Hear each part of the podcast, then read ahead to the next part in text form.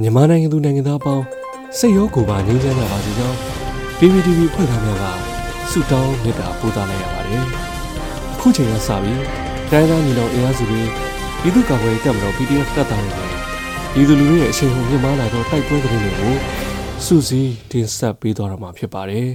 ။ကျွန်တော်ຫນွေဦးလင်းပါပထမဆုံးအနေနဲ့ကော့ကရီမြောက်ရီအာရှလန်အနီးစစ်ကောင်စီတပ်နဲ့ KNL ပူးပေါင်းအဖွဲ့တိုက်ပွဲပြင်းထန်ပြီး စစ်တပ်ကကော့ကရိတ်မြို့နယ်ရှိရွာများကိုလေရင်ဖြင့်ပစ်ခတ်တိုက်ခိုက်တဲ့တဲ့ရင်ကိုတင်ဆက်ပါမယ်။ကရင်ပြည်နယ်ကော့ကရိတ်မြောက်ဝတီအာရှလမ်းမှာတောနော်ရေတကွန်အနီးတွင်အကြမ်းဖက်စစ်ကောင်စီတပ်နဲ့ကရင်မျိုးသားလူမျိုးရေးတပ်မတော် KNL ပူးပေါင်းအဖွဲ့ကြား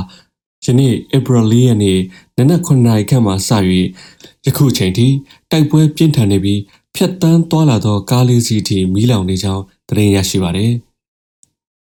တောနော်ရေတကွန်အနီးတိုက်ပွဲဖြစ်ပွားရာဒေသသို့ကော့ဂရိတ်အခြေစိုက်ခလာရ69မှာ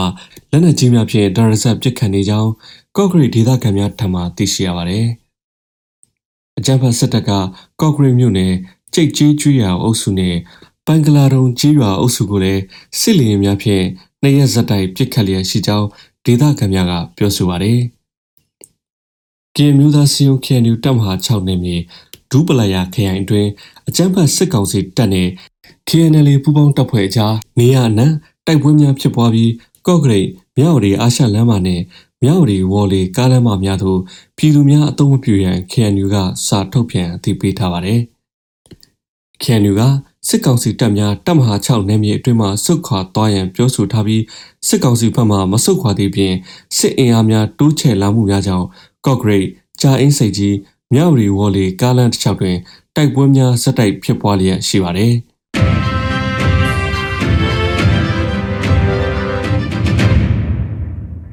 ဆက်လက်ပြီးချင်းပြည်နယ်စမီးမြို့အဝယ်ရှိစစ်ကောင်စီဂိတ်ကိုချင်းပူပေါင်းတပ်ဖွဲ့ဝန်တိုက်က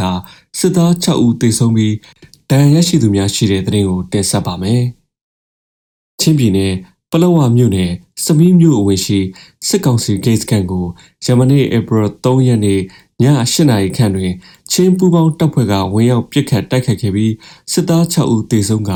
အများအပြားထိခိုက်ဒဏ်ရာရရှိကြောင်းချင်းဒေသကာကွယ်တပ်ဖွဲ့ CDF ပလောဝါကသတင်းထုတ်ပြန်ပါတယ်။ CDF ပလောဝါနဲ့ချင်းအမျိုးသားတပ်မတော် CNA တို့က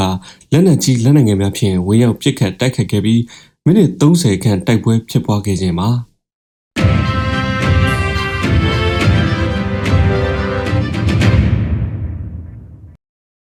စာလင်ကြီးရဲစခန်းကို PDF မဟာမိတ်တပ်ဖွဲ့10ဘွဲ့က60မမစိန်ပြောင်းလက်နက်ဖြင့်အချက်40ကျော်ပစ်ခတ်တဲ့တဲ့ရင်ကိုတင်ဆက်ပါမယ်။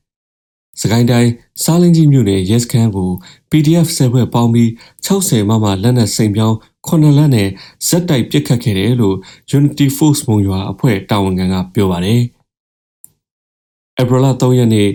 9:00နာရီကျော်လောက်မှာစတင်ပစ်ခတ်ခဲ့ပြီးစုစုပေါင်းအချက်ရည်40ကျပ်နဲ့ပြစ်ခတ်တိုက်ခတ်ခဲ့တာဖြစ်တယ်လို့ Unity Force မုံရွာတာဝန်ခံကပြောပါတယ်။ စာလင်ကြီးရဲစခန်းမှာစစ်ကောင်စီကတပ်ဆွဲထားပြီးစစ်သားနဲ့ရဲအင်အား200နီးပါးရှိတာကြောင့် Unity Force မုံရွာ Brother Defense Force အပါအဝင်မဟာမိတ်စစ်ဘွဲကပူးပေါင်းတိုက်ခတ်ခဲ့တာဖြစ်တယ်လို့သိရပါတယ်။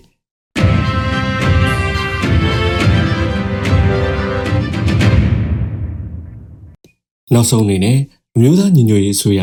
ပြည်ထောင်စုနဲ့လူမှုကြီးကြပ်ရေးဝန်ကြီးဌာနက2022ခုနှစ်ဧပြီလ4ရက်နေ့ရက်စွဲနဲ့ထုတ်ပြန်တဲ့ပြည်သူ့ခုခံတော်လှန်စစ်သတင်းအချက်အလက်တွေကိုတင်ဆက်ပေးသွားမှာပါ။အာဏာသိမ်းအကြမ်းဖက်ဆုပ်ဆွေပြည်သူလူထုပေါ်အကြမ်းဖက်ဖိနှိပ်ဖမ်းဆီးတိုက်ခိုက်တပ်ဖြတ်နေမှုများကိုပြည်သူလူထုတရက်လုံးကအသက်ရှင်နေရေးအတွက်မိမိကိုယ်ကိုမိမိခုခံကာကွယ်ပိုင်ခွင့်ရပြည်သူခုခံစစ် People Defenses War ကိုဆင်နွှဲလျက်ရှိပါတယ်။ သတင်းချက်လက်များအရ3ရက်4လ2022ခုနှစ်နေ့ရက်တွင်စစ်ကောင်စီတပ်ဖွဲ့ဝင်39ဦးသေဆုံးပြီးထိခိုက်ဒဏ်ရာရရှိသူ12ဦးအထိခုခံတိုက်ခိုက်နိုင်ခဲ့ပါတယ်။စစ်အာဏာရှင်စနစ်မြမမျိုးပေါ်မှာအပိတိုင်ချုပ်ငြိမ်းရေးနဲ့ Federal Democracy တိဆောက်ရေးအတွက်ငြိမ်းချမ်းစွာဆန္ဒပြသည့်လူထုတပိတ်တိုက်ပွဲများကပြည်내နဲ့တိုင်းဒေသကြီးများမှာဖြစ်ပွားပေါ်ပေါက်လျက်ရှိပါတယ်။မြေပြင်မှာ ယခုတွေ့ရတဲ့သတင်းအချက်အလက်များထက်ပို၍ဖြစ်ပွားနိုင်ပါတယ်ခင်ဗျာ။